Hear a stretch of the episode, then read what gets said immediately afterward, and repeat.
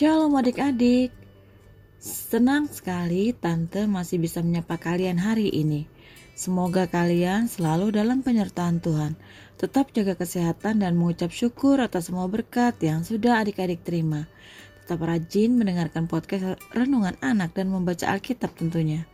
Tema renungan hari ini adalah Graham Staines dengan bacaan Alkitab dari kitab Kejadian 39 ayat 19 sampai 23. Mari siapkan hati mendengarkan bacaan firman Tuhan, kita berdoa. Kami memuji Engkau ya Tuhan. Kami bersyukur untuk hari-hari yang kami lalui dengan penuh sukacita. Kami rindu sapaan Tuhan melalui firman-Mu yang kudus. Curahkanlah rohmu bagi kami ya Tuhan untuk memelihara hati dan pikiran kami, agar firman Tuhan dapat kami pahami seturut kehendak-Mu. Dalam nama Tuhan Yesus kami berdoa. Amin. Kejadian 39 ayat 19 sampai 23. Baru saja didengar oleh tuannya perkataan yang diceritakan istrinya kepadanya. Begini begitulah aku diperlakukan oleh hambamu itu. Maka bangkitlah amarahnya. Lalu Yusuf ditangkap oleh tuannya dan dimasukkan ke dalam penjara. Tempat tahanan-tahanan raja dikurung.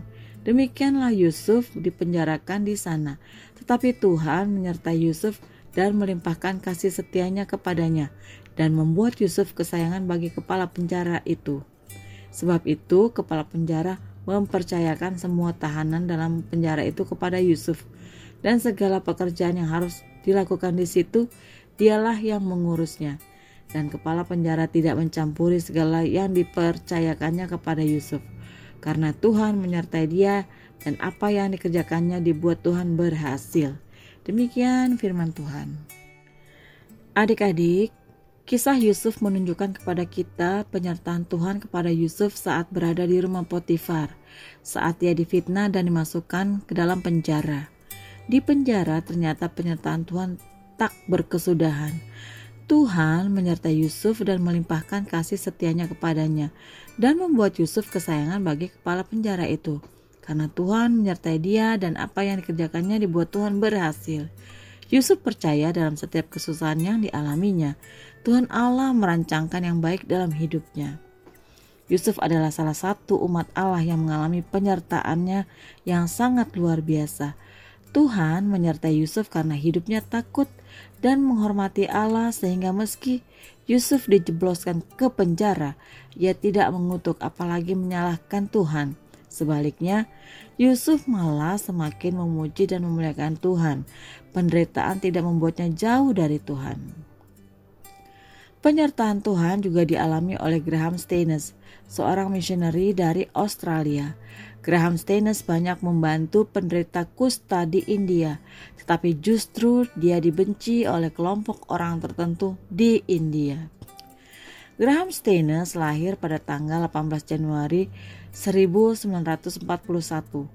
Ia adalah seorang misionaris asal Australia yang terpanggil melayani penderita kusta di India. Saat banyak penderita kusta yang dikucilkan dan tidak diurus oleh keluarganya, Graham dan keluarganya lah yang dengan sukarela membantu mereka. Sebagian orang India memandangnya sebagai pahlawan. Ia meninggal pada tanggal 23 Januari 1999.